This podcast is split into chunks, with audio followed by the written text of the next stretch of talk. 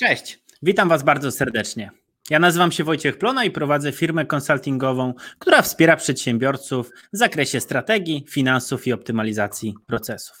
Jak co wtorek zapraszam specjalnego gościa ze świata biznesu, właściciela, kadrę zarządzającą, który opowie, czym się zajmuje, jak, pod, jak, jakie problemy rozwiązuje swoich klientów wszystko po to, abyś ty, drogi widzu, mógł czerpać inspirację, mógł patrzeć, jak ludzie prowadzą biznesy, z czym się zmagają i jak podchodzą do tych biznesów, a może ty, prowadząc już swój biznes, możesz czerpać od tych, gości, od, od tych gości, od tych ludzi ze świata biznesu, albo po prostu czerpać inspirację do nowych biznesów czy do rozwiązywania kolejnych problemów. Dzisiaj ze mną jest Michał Walaskowski właściciel kilku spółek z branży nieruchomości, ale chciałbym, żeby Michał dokładnie powiedział, e, czym się zajmuje i jak to wygląda, ponieważ e, nie chciałbym czegoś przekręcić, ale zanim o tym, to chciałbym powiedzieć kilka ważnych informacji. Po pierwsze, przygotowaliśmy dla Was dwie konkretne rzeczy, które na etapie COVID-u czy po COVID-zie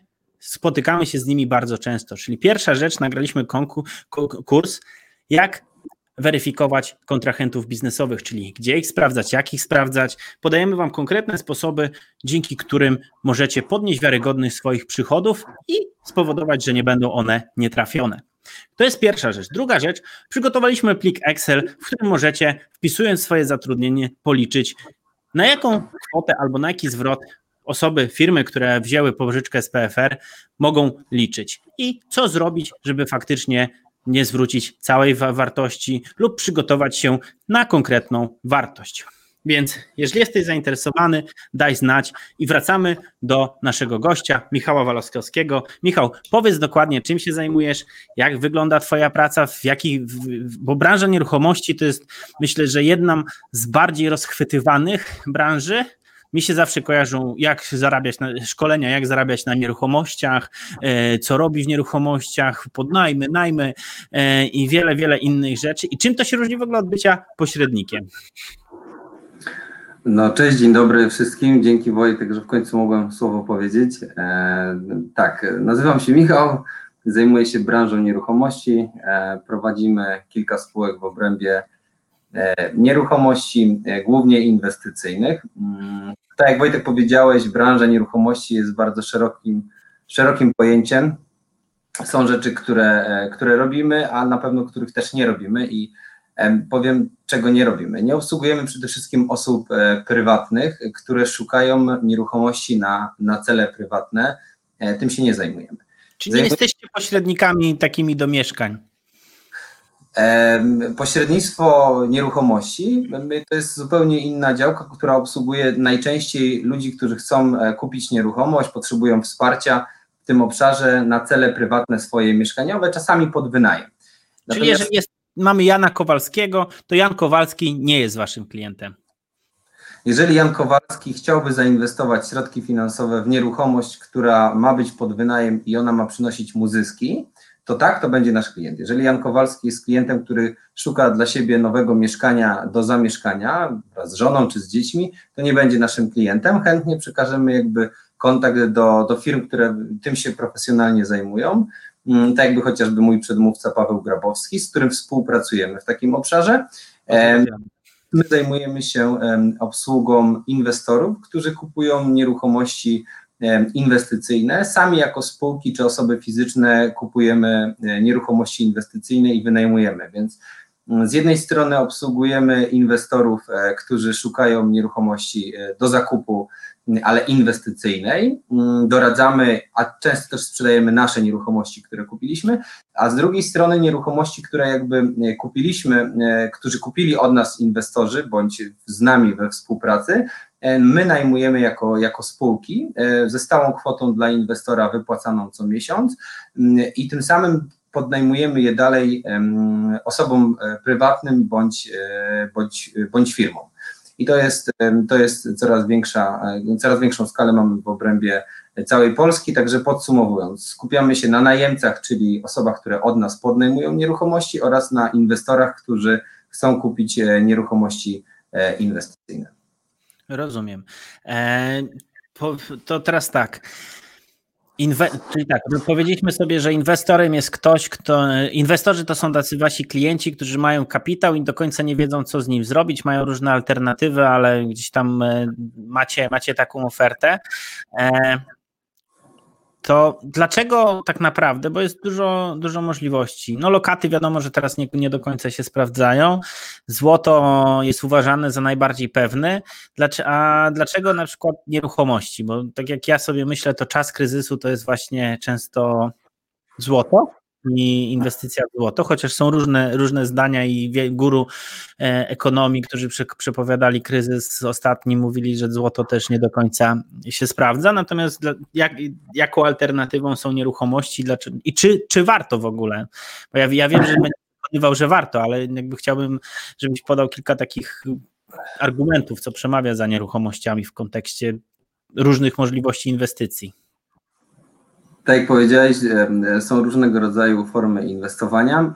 My nie zajmujemy się doradztwem, która z form jest e, najlepszą formą inwestowania, ponieważ e, każda, każdy inwestor ma swoje indywidualne preferencje. I jakby nie chcemy wchodzić w te preferencje, my możemy mówić o kwestii odpowiedzenia na potrzeby, jeżeli inwestor już jest zdecydowany na nieruchomość inwestycyjną. To, co e, wyróżnia jakby e, inwestycje w nieruchomości, to jest, e, to jest to, że one dosyć wygodnie przenoszą wartość pieniądza w czasie, mm, czyli są oporne, że tak powiem, na inflację. A z drugiej strony nieruchomości wynajęte, jeżeli są, no to przynoszą stały dochód co miesiąc inwestorowi, często określane w postaci rentowności. Mm, inne, inne, innego typu inwestycje, którego ty, które ty wspomniałeś, może są bardziej płynne, może mają większy wzrost wartości w czasie, może są bezpieczniejsze.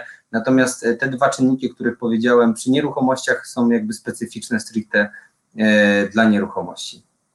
Okej, okay. powiedz mi, jak to wygląda? Czy wy przekazujecie, e, przekazujecie, jakby mamy inwest, powiedzmy, że ja jestem inwestorem, e, który chciałby kupić nieruchomość inwestycyjną i to jest tak, że ja ją kupuję, a wy się nią zajmujecie, to przekazuję wam środki, wy, wy nimi zarządzacie, bo dużo chciałbym, żebyś odpowiedział, ponieważ też spotkałem się z różnymi modelami na rynku e, i, i myślę, że to jest też ważne, żeby ludzie mieli świadomość pewnych kwestii, pewnych jak niektórzy działają, prawda?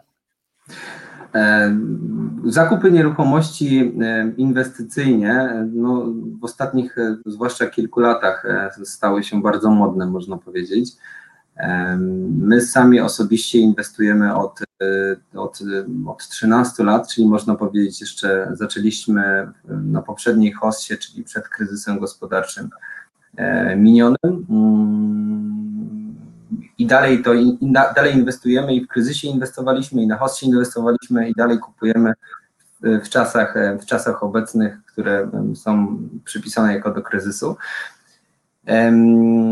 Jak wygląda e, współpraca? Jeżeli, jeżeli inwestor e, chce zakupić nieruchomość, a tak naprawdę już teraz e, ten procent liczby społeczeństwa, które ma co najmniej dwie nieruchomości, czyli jedną swoją w celach mieszkaniowych, drugą w celach inwestycyjnych, jest coraz więcej. Ludzie młodzi często kupują inwestycyjnie, czasami też kupując na kredyt i dalej pod wynajem.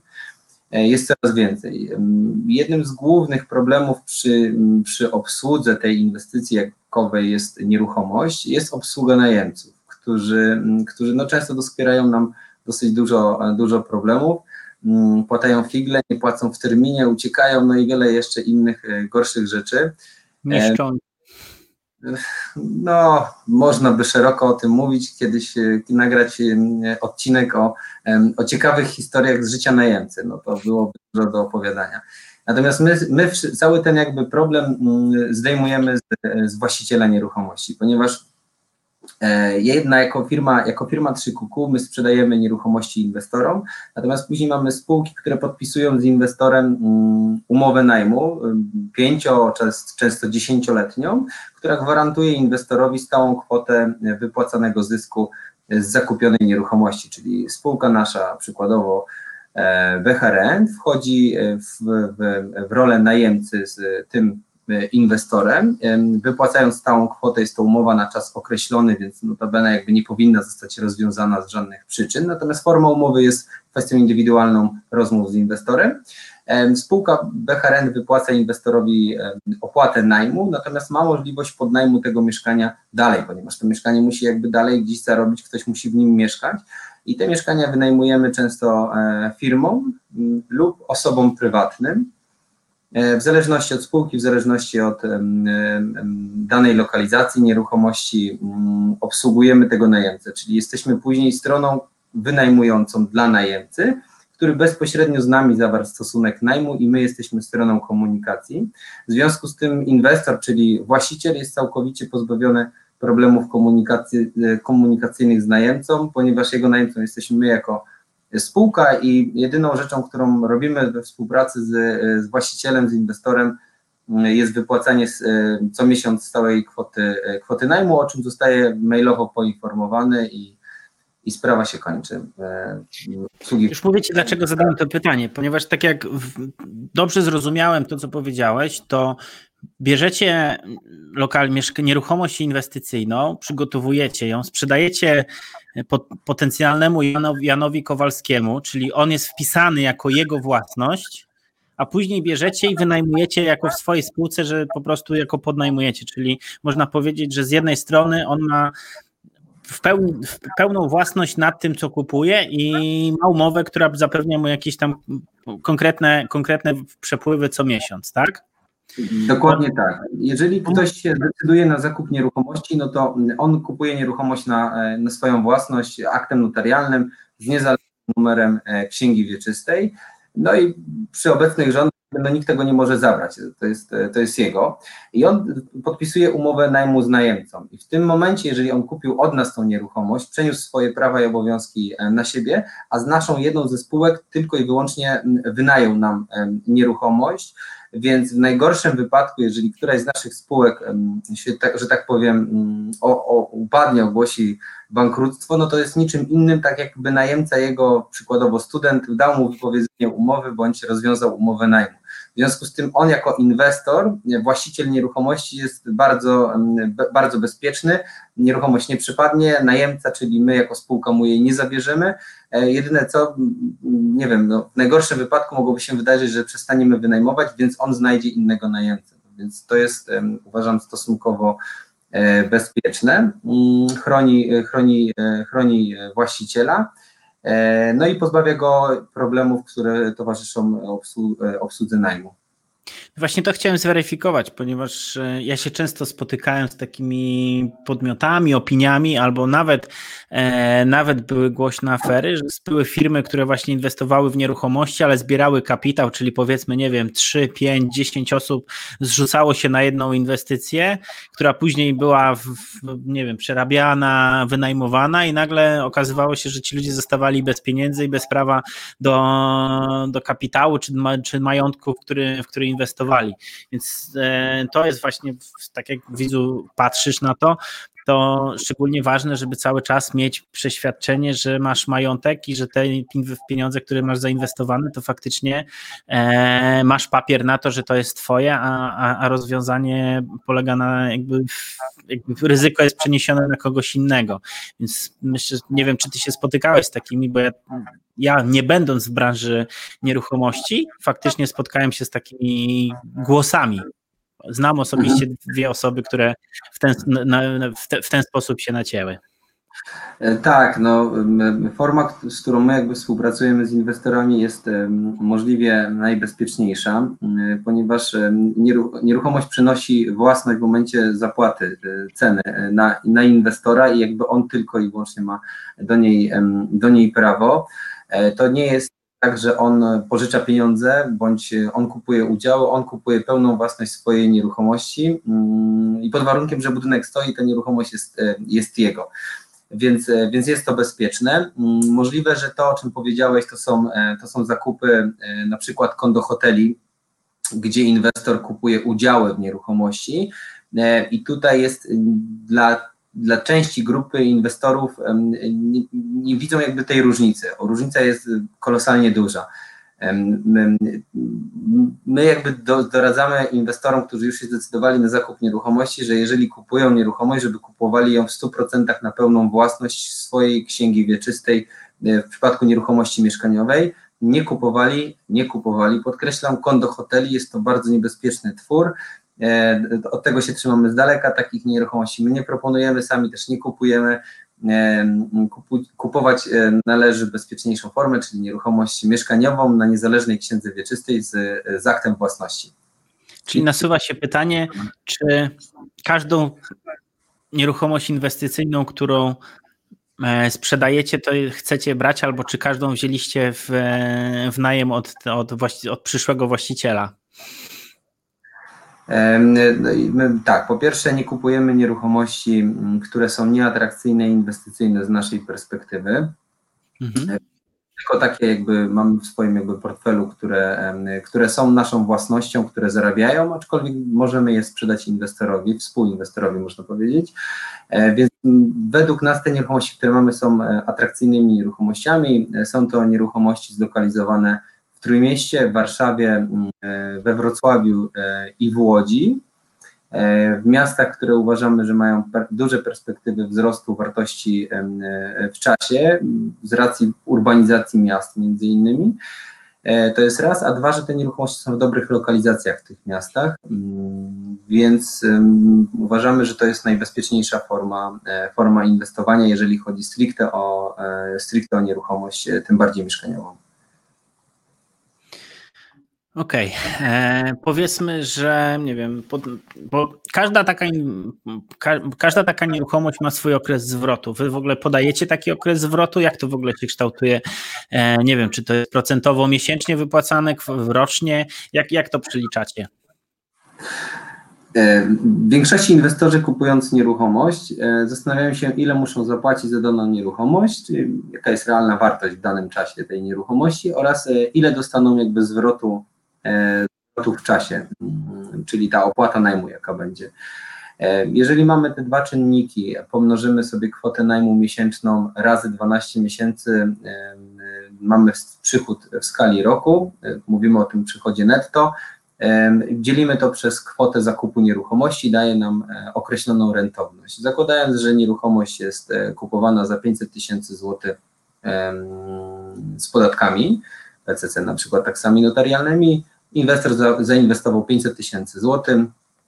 Jeżeli ktoś mu, jakby najemca ma mu zapłacić 2000 zł e, z wynajmu takiej nieruchomości, czyli jest to 24 tysiące złotych w skali roku e, przychodu, nie mówimy tu o opłatach, które leżą po stronie najemcy, e, daje to 24 tysiące złotych dzielone na 500 tysięcy złotych, rentowność na, na poziomie około 5 5%, tak zwane Retail of Investments, ROI w skrócie mówiąc, więc inwestorzy często e, liczą sobie coś takiego. Natomiast pamiętajmy, że rentowność, czyli mm, zysk z wynajmu w skali roku, jest czynnikiem, którego często innego rodzaju inwestycje nie dają. Mm, więc to jest jedna płaszczyzna zarabiania, natomiast oprócz tego, jakby ta nieruchomość przenosi najczęściej wartość e, w czasie. No, są wahania na rynku wynikające z kryzysów, cyklów koniunkturalnych. E, możemy pewien sposób oscylować pewnego rodzaju wartość czy trendy, natomiast no, nigdy nie mamy tej stuprocentowej pewności, podobnie jak jest na przykład z, z wartością na przykład złota, monety i innych kruszców. No okej, okay. a jak e, szacujecie długość takiej inwestycji? No bo teraz jak, jak, jak sobie myślę, jako taki Jan Kowalski, wkładam 500 tysięcy, prawda? I z jednej strony chciałbym, e, wkładam albo ze swojej kasy, albo na przykład biorę kredyt, prawda? Żeby 500 tysięcy, no to załóżmy 2000 miesięcznie, od was dostaję, e, od was dostaję jakąś kwotę. No i można powiedzieć, że bo po przepływach patrzymy przez cały okres, że, że te 500 tysięcy, no już jakby uwzględniając lub nie, nie, nie uwzględniając dewaluację pieniądza, to faktycznie w pewnym momencie 500 tysięcy kiedyś musi się zwrócić. I po jakim czasie średnio u Was jest taki okres, gdzie te inwestycje się zwracają dla takiego inwestora, e, który, który, który współpracę? To jest dobre pytanie. To jest wszystko uzależnione od, od typu nieruchomości, którą inwestor kupuje, od lokalizacji tej nieruchomości, od, e, od typu budynku tej lokalizacji. Jeszcze paru innych czynników. Natomiast tak poglądowo można powiedzieć, że, nieruchomo, że inwestor może liczyć od 5% rentowności, to znaczy, że zwróciłoby mu się takie mieszkanie po 20 e, latach, od kwoty pieniądze zakupione, pomniejszone o te, o te warunki, o których powiedziałeś, maksymalnie do 10% rentowności, to znaczy, że zwrot z inwestycji nastąpi e, po 10 latach. E, czynnikiem, który uzależnia między 5 a 10 e, są, e, są jakby preferencje inwestora odnośnie typu, lokalizacji nieruchomości i tak dalej. To jest osobny, osobny wątek, ponieważ często inwestorzy mówią, że my chcemy kupić najlepszą inwestycję, najlepszą nieruchomość. Tylko najlepsza pod jakim kątem? Rentowności typu budynku, lokalizacji, czy jeszcze jakichś innych czynników. Każdy inwestor ma inną preferencję. Wobec tego my nigdy nie mówimy, co jest najlepszego rodzaju e, inwestycją w danym momencie, nie znając jakby preferencji, potrzeb danego inwestora. I dopiero jak zadajemy kilka pytań, wychodzi na to, że dla jednego inwestora najlepszą nieruchomością będzie nieruchomość na przykład za milion złotych, która zwróci się po 10 latach, czyli rentowność ma 10%, a dla innego najlepszą inwestycją wcale nie jest wysoko zarabiająca nieruchomość, tylko na przykład najbliżej morza, która jest droga z metra, dosyć e, niska rentowność jest, natomiast no, jest prestiżową nieruchomością, taką, którą można się pochwalić, my to nazywamy taką nieruchomością sexy, ale ona e, z naszego punktu widzenia jest, nie jest wysoko rentowna, ale dla niego jest bardzo atrakcyjną e, inwestycją, bo raczej liczy na przeniesienie wartości pieniądza w czasie niż na zwrot z inwestycji. Mm, więc, więc to, to są to jest kilka pytań, które należałoby inwestorowi zadać, jakie on ma oczekiwania. Rozumiem. A powiedz mi, bo to, żeby już zainwestować w nieruchomość, to pierwsze, co mi się nasuwa do głowy, to jest kapitał, który musimy posiadać. E, no i wartość nieruchomości często jest, nie nie znam dokładnie rynku, no ale gdzieś szacuję, że jest to między te 300 a 500 tysięcy złotych. E, czy tylko taki, do takich ludzi trafiacie z takim portfelem, czy może dajecie szansę innym, albo macie rozwiązanie, które powodują, że in, inne osoby z mniejszym kapitałem też mogą z Wami współpracować. Mhm. No to jakby znowu można powiedzieć, że kwota wejścia jest uzależniona od typu nieruchomości i na pewno miasta, bo z tych miast, które powiedziałem, Łódź jest na pewno miastem najtańszym, więc tam e, najtańsze mieszkania, które mieliśmy e, w pakiecie do sprzedaży, jakby kupiliśmy 60, 60 e, mieszkań od dewelopera i sprzedaliśmy współinwestorom. Część zostawiliśmy dla siebie na osobach fizycznych lub na naszych spółkach. E, część jakby sprzedaliśmy współinwestorom, więc tam kwota wejścia była najmniejsza, około 250 tysięcy złotych.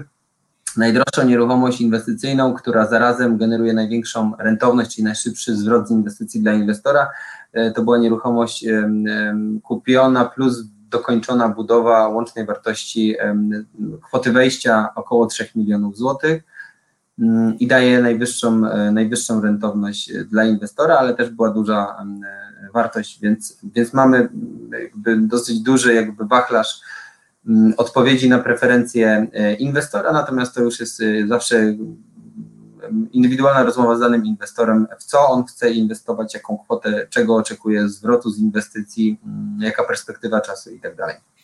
A z waszego punktu widzenia ma to znaczenie, czy to jest kredyt hipoteczny, czy to jest jakieś, czy finanse własne? Czy tylko finanse własne? Więc tak, no oczywiście naj, najlepiej, najprzyjemniej, najbezpieczniej inwestuje się, jeżeli to to są pieniądze własne, majątek, forma, dokładniej mówiąc, gotówka. Duża część inwestorów, myślę, że ponad połowa inwestorów kupuje, kupuje za gotówkę coraz więcej ludzi kupuje za gotówkę, zwłaszcza w czasach dzisiejszej inflacji, nisko oprocentowanych depozytów bankowych, dużo ludzi ucieka z gotówką w kup, zakup albo złota, albo często nieruchomości z tego, co, co widzimy, co się dzieje.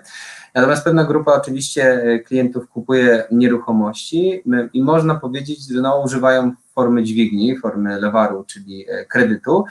No i istnieją takie najprostsze, naj, najczęściej rozpoznawalne dwie formy kredytowania, czyli kredyt e, mieszkaniowy e, oraz kredyt inwestycyjny. Otóż kredyt mieszkaniowy jest bardzo tanim pieniądzem na rynku, bo aktualnie oprocentowany mniej więcej 2,5% marży. Chyba najtańszym.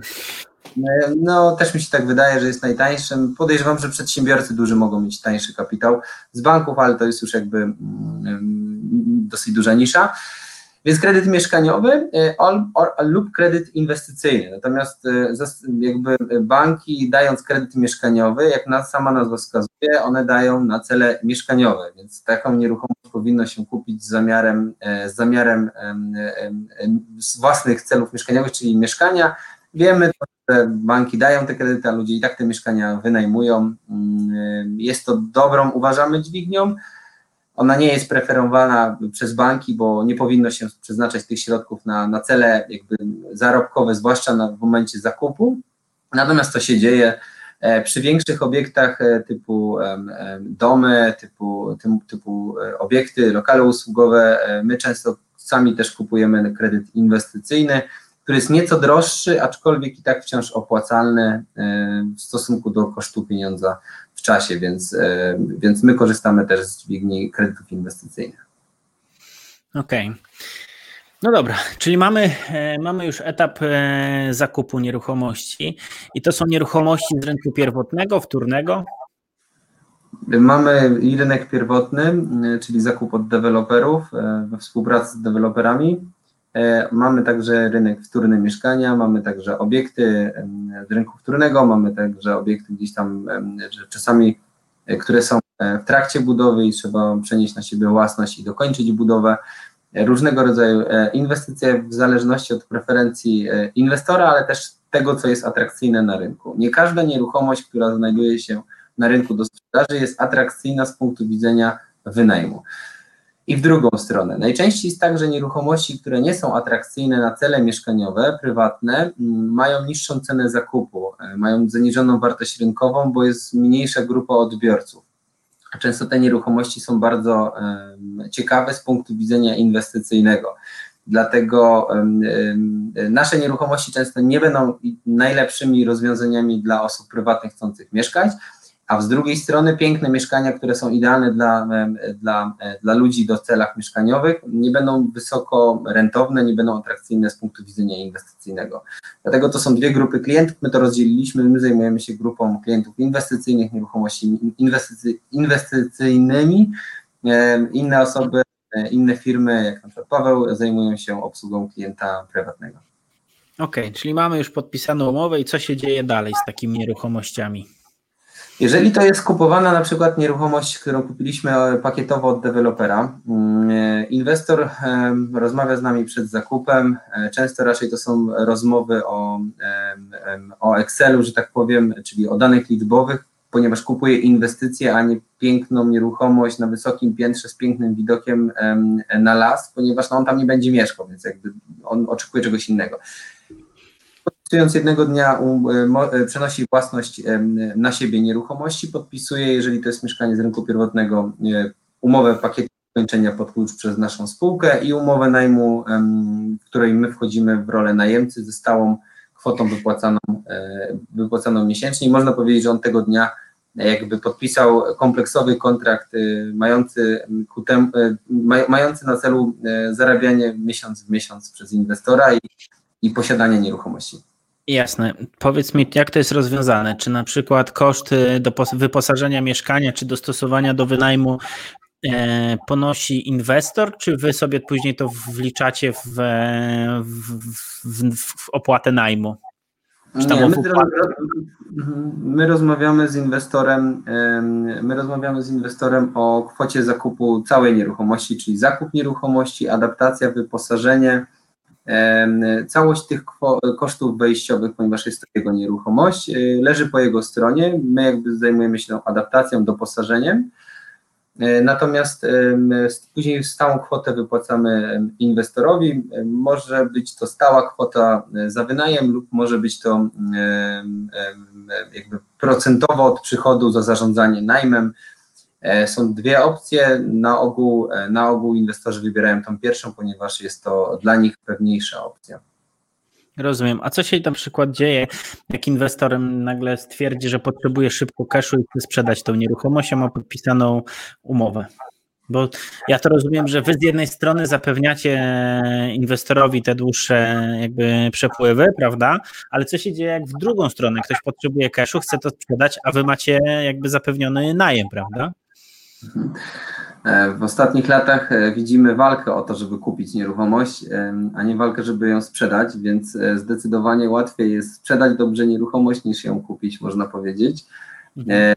Najmu w żaden sposób nie, nie, nie blokuje E, możliwości sprzedaży nieruchomości, natomiast umowa najmu jest bardzo e, mocnym, e, mocnym dokumentem w świetle prawa jakby najemcy. Wobec tego sprzedając nieruchomość sprzedają się z, z najemcą. Natomiast to są nieruchomości inwestycyjne, więc akurat to, że jest długoterminowa umowa najmu, to przy, w przypadku sprzedaży nieruchomości prawdopodobnie docelowo też inwestorowi, to będzie dodatkowym E, dodatkowym atrybutem tej nieruchomości, że jest stały najemca z umową długoletnią, który wypłaca stałą kwotę najmu. Jeżeli e, raczej odpowiadając na Twoje pytanie, bo faktycznie ludzie mogą się zastanawiać, czy mnie to nie zablokuje, potrzebuję kasę i co.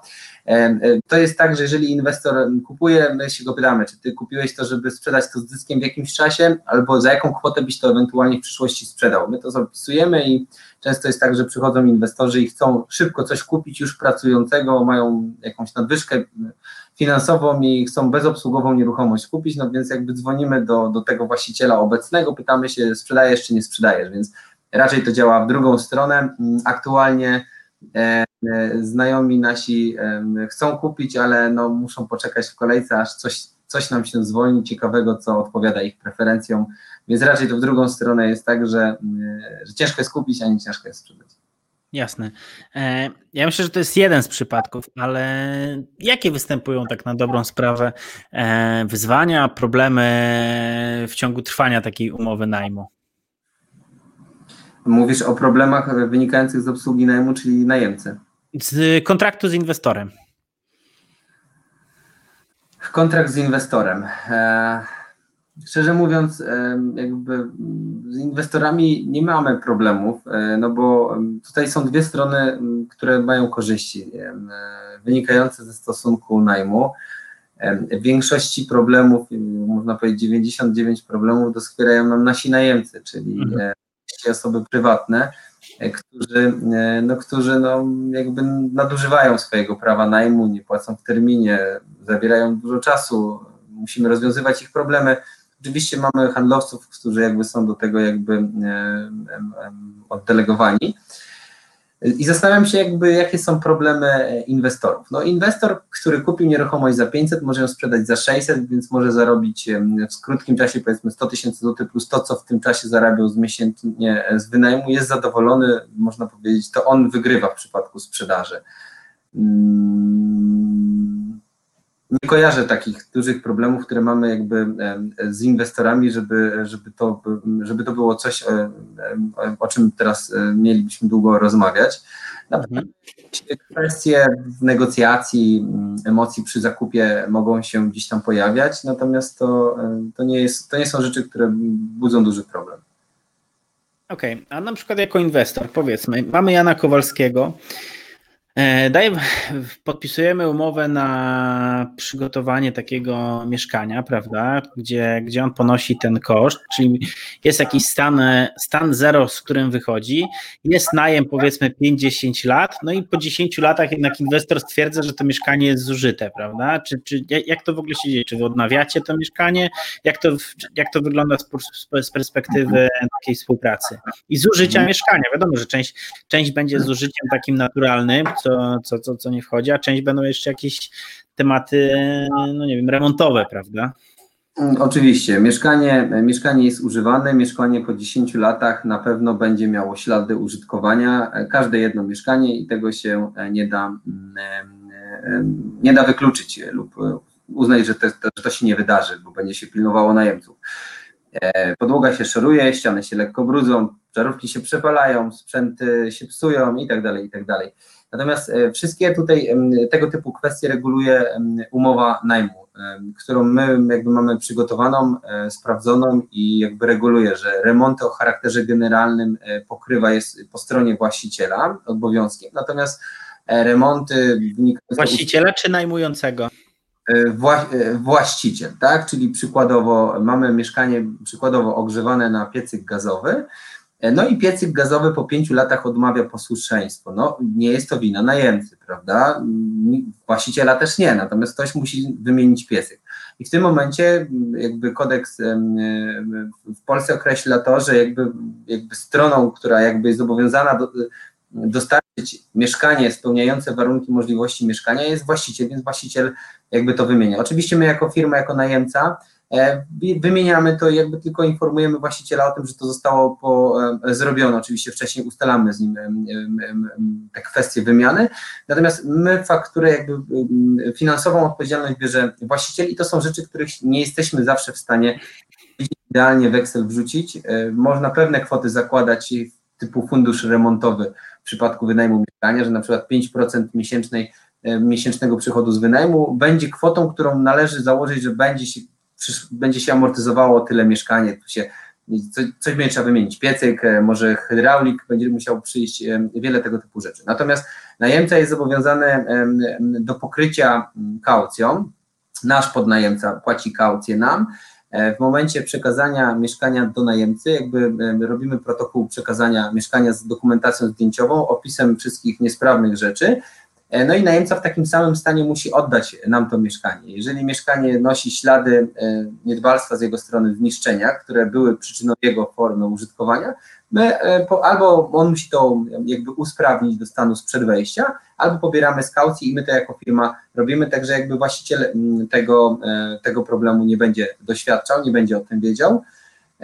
Po 10 latach co się wydarzy? No, mamy mieszkania, które blisko 10 lat używamy, one stanowią normalne ślady użytkowania. Nie są one to znaczące, e, nie ma okna, cały czas są całe, e, podłogi są, mieszkanie nie jest spalone.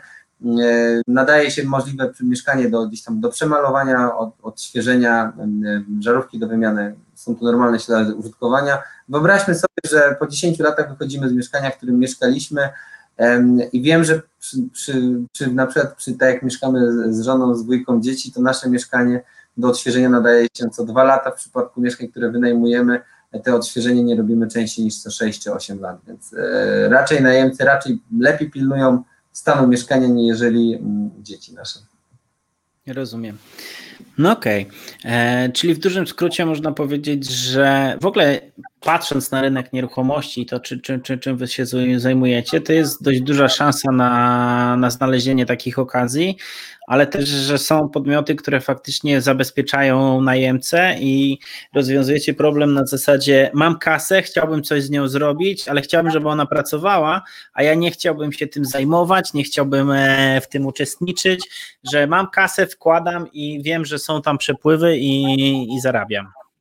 No i tutaj od razu, jeżeli byś miał taką potrzebę, e, e, firma Wojtkowi Plonie się genialnie rozwinęła, Wojtek ma duże nadwyżki, e, już nie chce więcej pompować pieniędzy mm, w rozbudowę firmy, chce postawić bezpieczeństwo finansowe na drugą nogę i chce w coś zainwestować. Jedną z form jest nieruchomość, mówi miał, mam nadwyżki, pogadajmy, spotkajmy się na kawę, rozmawiamy, odpowiadam na takie pytania jak swoje obecnie. W większości one się powielają, zadawane przez inwestorów.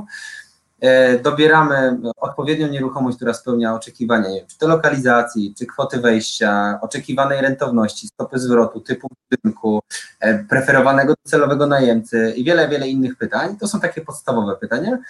E, dobieramy odpowiednią nieruchomość, mówimy co mamy, chcesz, kupujesz, nie chcesz, nie kupujesz, próbujesz sam kupić, raczej na początku e, rozmawiamy, mm, informując o tym, jakie są realia, jakie są możliwości, a jeżeli ktoś będzie chciał kupić, to, e, to kupuje. Aktualnie nieruchomości e, cały czas, pomimo że mamy kryzys, tutaj zwłaszcza w Gdańsku, bo to obserwuję na co dzień, ceny rosną, inflacja jest cały czas wysoka, ludzie cały czas kupują, coraz częściej za gotówkę, więc mm, uważamy, że wciąż to jest bezpieczna forma inwestowania. No jasne. Oczywiście, drogi widzu, informacja dla Ciebie.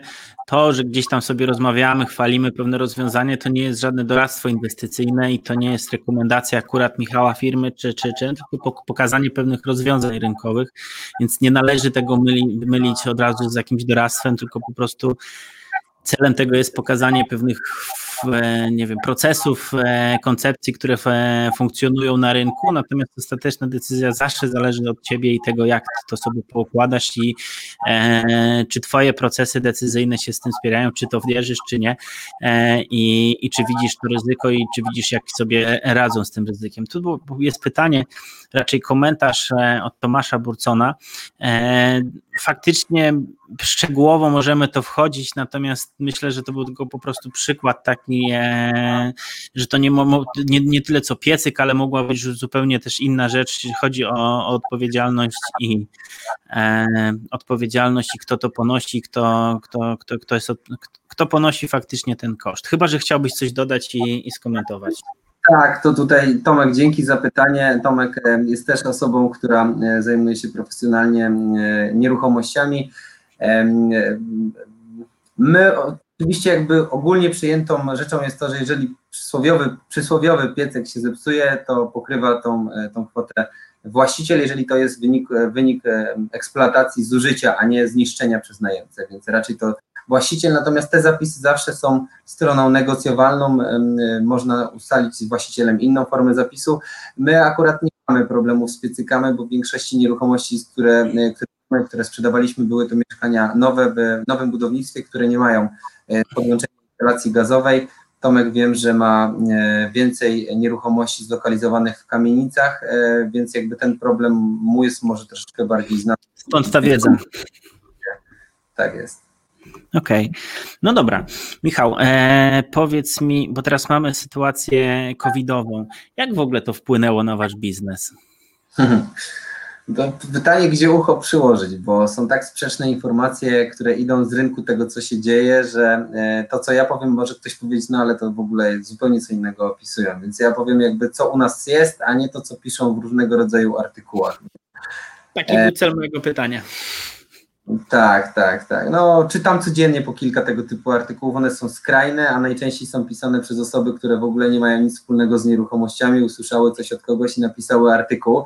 I, i całe, całe, całe, całe WP jest zasypane tego typu artykułem o Bałże, ile mieszkań stoi pustych, kryzys na rynku wynajmu. To tak nie jest. E, więc ceny są stabilne aktualnie, najem jest wciąż stabilny. E, oczywiście, można znowu teraz najemców podzielić na, na różnego rodzaju kategorie. Jest wynajem dobowy, który no, popyt osłabł w stosunku do podaży, wciąż jest, ale jest, jest jakby inne, e, inna, inna proporcja, mniejszy popyt do wysokiej podaży. Oczywiście, zgadza się. Popyt najemców, studentów no, jest też w dużych miastach mniejszy, popyt firm, które lokują swoich pracowników e, jest aktualnie większy, popyt osób prywatnych e, na mieszkania 3-4 pokojowe, duże mieszkania jest zdecydowanie większy niż był przed kryzysem, ponieważ ludzie nie dostają e, kredytów, a muszą zaspokoić podstawowe cele mieszkaniowe, więc nie ma jednoznacznego e, pytania. Mogę odpowiedzieć w ten sposób. Jedna spółka, która obsługuje korporacje biznesowe, wynajem korporacyjny tak zwany prowadzimy tutaj w Gdańsku, ma mniejsze jakby przychody, ma mniejszy, mniejsze pokrycie przez firmy zajmujące się relokowaniem pra swoich pracowników do Gdańska, ponieważ zostały zamknięte granice, firmy aktualnie pracują zdalnie. Natomiast te mieszkania zostały wynajęte ludziom prywatnym, spełniającym swoje podstawowe cele mieszkaniowe i ten najemca jest. Jeżeli chodzi o firmy budowlane, jest ten popyt e, większy. Mm, czy większy jest popyt na rynku wynajmu studenckiego. E, na pewno oczekiwania studentów wzrosły i studenci już nie chcą wynajmować pokoju, tylko wynajmują e, co najmniej kawalerkę, jak nie dwupokojowe mieszkania, więc e, trend, trend pewien jest. Natomiast rynek wynajmu my jakby tutaj w Gdańsku oceniamy bardzo stabilnie, natomiast wszystko jest uzależnione jakiego typu nieruchomości ktoś ma w swoim portfelu, które wynajmuje, pod jakiego typu najemcę, więc to jest dosyć rozłożone pytanie i nie można jednoznacznie odpowiedzieć na pytanie, a jak dokładnie jest.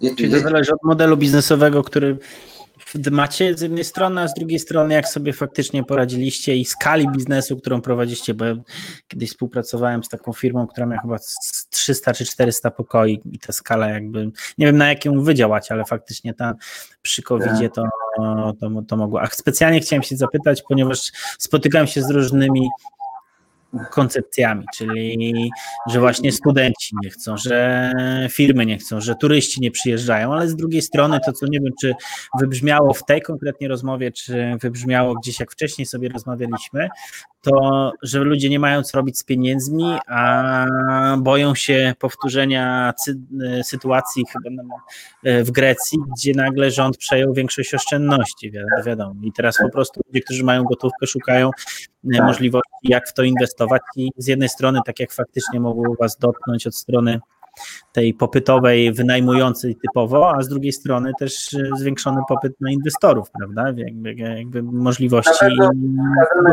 rynku. Na pewno wskazana jest elastyczność przy zakupie nieruchomości, że dzisiaj może być tego typu najemca w tej nieruchomości, bo to będzie pożądana nieruchomość dla niego dzisiaj, a za pół roku czy za rok zmieni się troszeczkę uwarunkowanie rynkowe i już dla innego najemcy musi być to atrakcyjne mieszkania. E, faktycznie w miastach e, w, na przykład we Wrocławiu u naszych wspólników mają bardzo dużo mieszkań, które mają wynajmowane na pokoje i mają zmniejszony popyt na wynajem na pokoje, czyli przez studentów. Natomiast tutaj jedna z naszych spółek, która ma około 250 pokoi w Gdańsku, mówi, że jakby tu widzimy, że obłożenie jest stuprocentowe, a kwoty wręcz lekko nawet wzrosły w tym wynajmie, więc wszystko jest uzależnione od miasta, od standardu, od lokalizacji. Nieruchomości, jest bardzo dużo e, czynników na to składających się. Mieszkania, które mamy dwu, trzypokojowe, mm, widzimy jakby większy popyt niż, niż był, ponieważ ludzie nie dostają kredytów, potrzebują na własne cele mieszkaniowe.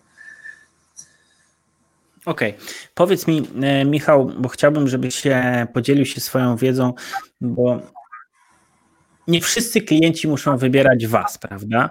Też nie jakby, to, to, już mówiłem, że to nie jest rekomendacja, ale na co zwracać uwagę przy współpracy z takimi firmami jak, two, jak Twoje, jak Twoja?